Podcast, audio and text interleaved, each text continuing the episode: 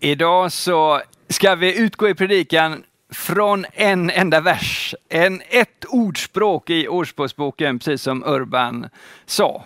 Och det är från kapitel 10 och vers 5 som jag ska läsa. Så här står det där. En duglig son samlar in om sommaren. Odågan sover i skördetiden. Det ska vi röra oss runt idag. Eh, bara för att förstå liksom sammanhanget där, där den här eh, ordspråket, rådet för livsrådet som man kan säga att det är, har kommit. Så är ju detta i en kultur med, med lantbruk där de flesta på olika sätt fanns nära lantbruket eller mitt i det. Och även den, eh, den första strofen här, alltså att en duglig son som samlar in om sommaren. Just samla in handlar också om skörd. Eh, det var ju så att de stora sakerna man skördade i Israel på den här tiden, det var, det var eh, vad ska man säga, vete och säd, det var druvor till vin och det var oliver. Och allt det där fanns det ett moment både av att skörda men också av att skaka ner eller ska man säga, samla in de kärvar man hade och sådär. Så, så den här versen handlar om att det är klokt att samla in om sommaren. Man ska också säga, och man ska också ha med sig, att på de varmare breddgrader som Israel är, så var det faktiskt så att man hade ofta två skördar. För de flesta grödor så fanns möjligheten att skörda två gånger. Första gången var någon gång på våren runt pingst och sen senare på sommaren så, så fanns det då en andra skörd. Och det här var liksom sommarperioden. Och då är rådet som man får här. Det är klokt, eller en duglig son samlar in om sommaren, odågan sover istället. Eh, då kan man ju tycka, utan att vara jätteexpert då eh, på lantbruksfaser och annat, Eh, att det känns som lite någon sån här, eh, vad kallas de, kapten uppenbar. Va? Vet, man har en sån i sin grupp som säger, hallå, tänkte ni på det här? Och så säger man något som är helt uppenbart för alla och alla bara, mm, tack. Alltså någon som säger, hallå, är det inte bra om vi skördar på sommaren? Alltså när skörden finns. Varför behöver det här stå med som ett livsråd? Det som kanske är den mest uppenbara saken. Det är korkat att inte skörda när det finns något att skörda, eller vad man nu ska säga. Eh, så kan man tycka, men det där var ju ett korkat råd.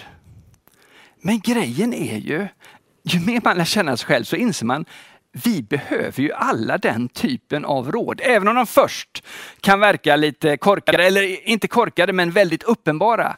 Så är det just uppenbara sanningar som man behöver höra ibland. Eh, och, och jag vet inte hur det är med men, men för de allra flesta som har någon typ av deadline kan ju känna igen sig i detta. Även om vi inte håller på med lantbruk speciellt mycket någon av oss. Men man har en deadline. Man har ett skolarbete som man ska lämna in, eh, något projekt är, eh, på jobbet kanske. Man ska lägga tak innan det börjar regna eh, och, och, eller fixa trädgården innan en studentfest eller vad man nu har på sin agenda. Det finns som en deadline då kan man ju tycka att det är helt uppenbart att säga att du behöver göra det innan den här tiden kommer, för annars så kommer det inte att gå. Det är ju en helt uppenbar sanning.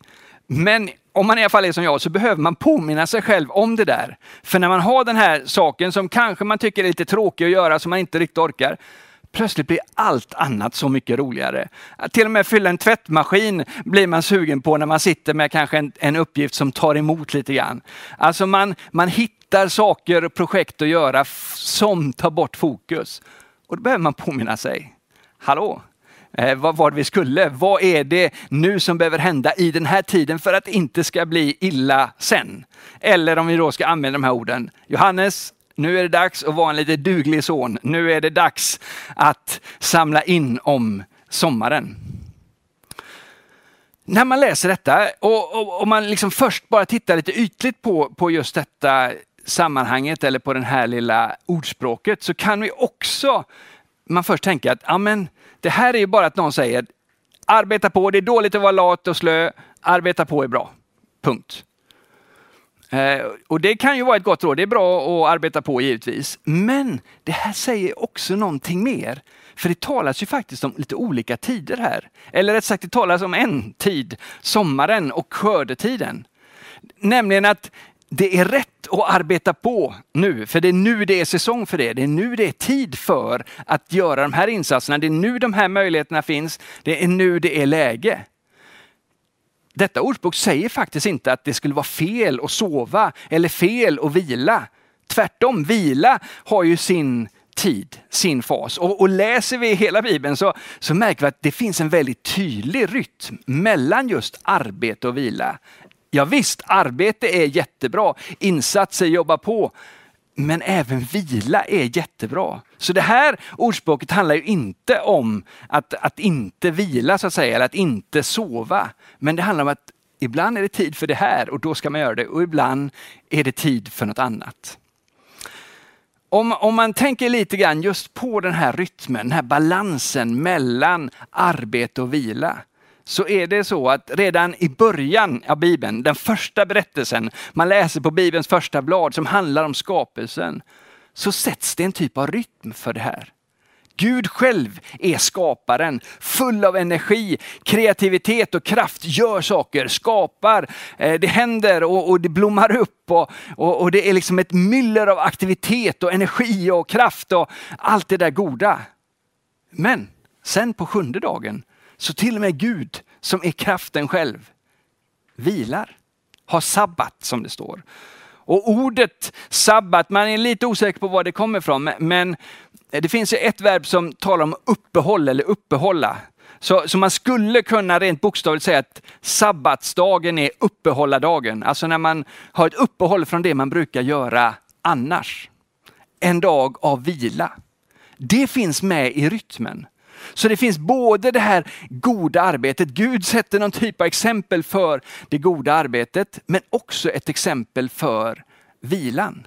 Och väldigt snabbt när man läser skapelseberättelsen så ser man att människan bjuds in i det här.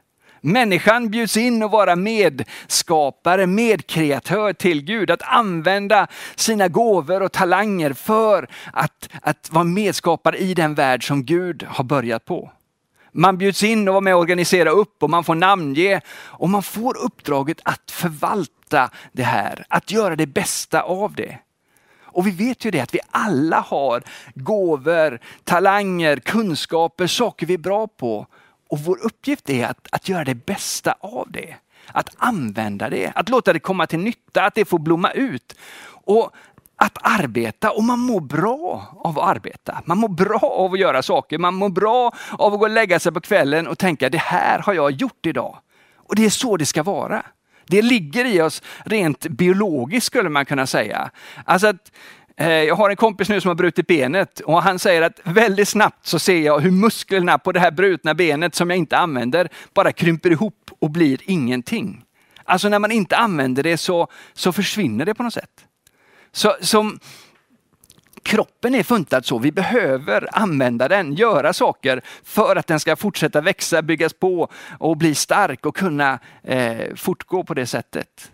Men när man pratar om kroppen så är det ju samtidigt så att när man tränar och nu eh, jag är kanske inte den största experten. Det finns andra som är mycket mer experter på träning och ni ska fråga dem istället för mig givetvis. Men en sak vet jag att efter träning så behövs det också återhämtning.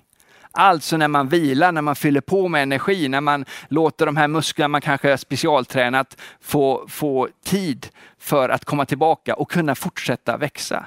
Den balansen behöver man. Och vi vet ju till och med eh, bara en sån enkel sak som även de som inte är de största träningsfriken gör, nämligen att sova. Man blir ganska konstig om man slutar att sova några dagar. Det går ju inte. Vi behöver liksom den typen av uppladdning. Det finns en rytm. Gud har satt en rytm redan från början och vi bjuds in också i en rytm av arbete och vila. När man ofta tänker och, och hur man gör så, så är det ju faktiskt ganska ofta just arbetet som definierar oss. Man berättar vad man gör. Det är så man identifierar sig, man presenterar sig. Alltså vår identifikation ligger ganska ofta, men jag är, är sjuksköterska eller jag är lärare eller jag eh, jobbar i kyrkan eller jag är fotbollstränare. Alltså vi, det är ganska ofta någonting som skapar identitet. Intressant att se är att när vi följer Guds folk i Bibeln så är det just vilan som är med och skapar identitet. Vilan, sabbaten, är en viktig sak för att komma ihåg vilka vi är egentligen. Och jag ska ta med nu och läsa ur tio Guds bud. Och det finns ju nedskrivet på två olika ställen i, i Moseböckerna. Eh, uppräkningar och vi ska läsa just det här tredje budet som handlar om sabbatsdagen eller vilodagen. Och vi ska läsa det på båda ställena för det står faktiskt lite olika om det. Det ena stället hänvisar till en händelse och det andra till en annan. Och ni kommer snart att förstå vad jag menar. Men vi går tillsammans till andra Mosebok. Och eh, vi ska läsa från kapitel 20, vers 8 och framåt. Och det är alltså i uppräkningen av tio Guds bud. Tänk på att hålla sabbatsdagen helig. Sex dagar ska du arbeta och sköta alla dina sysslor. Men den sjunde dagen är Herren din Guds sabbat. Då ska du inte utföra något arbete, varken du eller din son eller din dotter eller din slav eller slavinna, din boskap eller invandraren i dina städer. Ty på sex dagar, och det här är skillnaden då, ty på sex dagar gjorde Herren himlen och jorden och haven och allt de rymmer. Men på den sjunde dagen vila han och därför har Herren välsignat sabbatsdagen och gjort den till en helig dag. Och så bläddrar vi fram till femte Mosebok kapitel 5. Och här är då den andra uppräkningen och då står det så här. Sex dagar ska du arbeta och sköta dina sysslor, men den sjunde dagen är Herren din Guds sabbat. Då ska du inte utföra något arbete, varken du eller din son eller din slav eller din dotter eller din slavinna eller din oxe eller din åsna eller något annat lastdjur och inte heller invandraren i dina städer. Din slav och din slavinna ska få vila liksom du själv. Kom ihåg att du en gång, och det här är viktigt, kom ihåg att du en gång själv var slav i Egypten och att Herren din Gud förde dig ut från Egypten med stark hand och lyftad arm och därför har Herren din Gud befallt dig att fira sabbatsdagen. Alltså ena gången vid uppräkningen, då är det detta med skapelsen, det är den identiteten. Vi är skapade av Gud, vi följer Guds mönster. Därför ska vi fira sabbat, därför ska vi ha en vilodag. Därför ska vi ha en dag när vi upp, har uppehåll från det vi brukar göra. Men i andra uppräkningen så handlar det också om slaveriet. Att Israels folk, Guds folk, har blivit befriade från att en gång ha varit slavar i Egypten och nu är fria. Så därför det ska vi komma ihåg. Det är vår identitet, att vi en gång var slav. För när man är slav, då har man inga lediga dagar. Just vilodagen, en ledig dag när man får göra vad man vill, handlar ju om frihet. Att vi är fria. Vi som en gång var slavar, vi är fria. Det är en påminnelse om en identitet där man är fri. Så för gudsfolket så är vilodagen en påminnelse om vilka de är, deras identitet. Vi är skapade av Gud och vi är fria. Vi är räddade så vi inte längre är slavar. Och Jag tänker att det är också något som vi kan få ha med oss när vi vilar, när vi har sabbat, när vi drar oss tillbaka. Så är det en påminnelse om att vi är inte bara det vi gör. Det är inte det som är vår djupaste identitet, utan vi är de vi är. Vi är skapade av Gud och vi, Gud har gjort någonting. Han har räddat oss, inte på grund av att vi är bra, utan på grund av nåd. Så att vila, när jag inte gör någon nytta, är just en påminnelse om att det är ändå så att jag över allt annat är älskad av Gud. Inte på grund av det jag gör, utan på grund av den jag är. Till sist vill jag säga någonting om att det som ändå finns i det här rådet, den dugliga sonen som tar vara på sommaren och tar vara på skördemöjligheten i det. Jag tänker att det också finns ett råd till oss att ta vara på sommaren. Att även om vi inte samlar in grödor, en del av oss gör säkert det, men att i en annan bemärkelse samla in för vårt inre liv under sommaren. Att ta vara på den här tiden för det som verkligen har betydelse. Och då tänker jag på att fördjupa sin relation med Gud själv. Att lära känna Jesus djupare. Och det är så här, vi har ju en kurs som heter Smyrna lärjunge och i den kursen så, så finns det ett moment när vi pratar om att följa Jesus. Och så får man på slutet av det några råd. Ni kommer få dem här nu, eller några tips på hur kan man lära känna Jesus mer. Och det tråkiga med de råden, och det här, jag, jag, kursen är så värd att gå eh, och nu får ni dem. Det här är ju ändå, det är inte, det är inte kontentan i hela kursen, men en, en liten i ett kurstillfälle. Eh, och de här råden är precis som den här kapten Uppenbar skulle säga. Eh, alltså det, det är att säga det uppenbara, det är att säga de sakerna som, jaha, berätta något nytt för oss, det här har vi hört förut. Men samtidigt, just de här råden, Anledningen att de kommer tillbaka, anledningen att de kanske är rätt så självklara, är just för att de också är sanna och att de är bra. Och vill du ta vara på den här sommaren för att gå djupare tillsammans med Jesus, lära känna Jesus mer, så, så finns det tre små saker. Ja, det finns fler, men, men tre stora saker. Eh, och det första är ju, vill man lära känna mer Jesus så är det att läsa sin bibel att läsa eh, evangelierna. Och det finns ju så många goda möjligheter nu för tiden. Man kan lyssna, man kan gå en, ta en sommarpromenad, gå ut och gå, lyssna igenom ett evangelium eller apostlärningarna eller något av breven eller eh, saltaren eller vad det nu kan vara. Eh, och så bara njuta av sommaren och så fylla på på insidan. Och gör man detta till goda vanor så bygger det ens liv. Det andra rådet, och eh, det är att ta vara på andra människor. Att eh, lyssna på dem som har kanske kommit lite längre än du på något sätt. Att lära av andra. Och det kan ju innebära att lyssna på predikningar. Det finns ju all världens predikningar man kan lyssna nu via sin dator. Det innebär att möta människor, att sitta ner med någon, att lyssna på den personens vishet, att någon berättar sin berättelse. Det måste inte alltid vara att man har kommit längre än varandra, men när någon berättar hur man har upplevt Jesus eller vad Gud har gjort i ens liv, så är det någonting som, som fördjupar och, och, och som, som tar dig också vidare, som får lyssna på en annan människa. Så att ta, och det är ju så att vi alla är Guds avbilder, så att möta andra, lära känna andra, har en aspekt av att få en liten glimt till av vem Gud är. Och det sista som jag tänkte säga, och kanske det allra mest uppenbara, jag vet inte, men det är ju bön. Att vända sig till Gud själv, att dörren till Jesus är öppen. Och be kan man göra på så fantastiskt många olika sätt. Man kan eh, gå en promenad och be som jag redan var inne på. Man kan be tidigt, man kan be sent, man kan be följa speciella former, man kan be fritt. Man, man kan lyssna och det skulle jag säga, att lyssna mycket. Att inte i första hand vara den som pratar, det tror jag är ett gott råd. Men att under den här sommaren, under den här tiden när all liksom, scheman inte är som vanligt, att ta vara på detta. Nu har jag en extra tid att kunna lyssna in, be och fördjupa på det sättet. Jag tänker att det är goda råd att med sig. Det är ett bra sätt att samla in om sommaren. Så vi får både göra som den här dugliga sonen, ta vara på möjligheterna, även om det kanske är de uppenbara sakerna. Men nu är det läge för det. Nu är det sommar, nu är det tid för det. Ta vara på det. Men vi får också vila.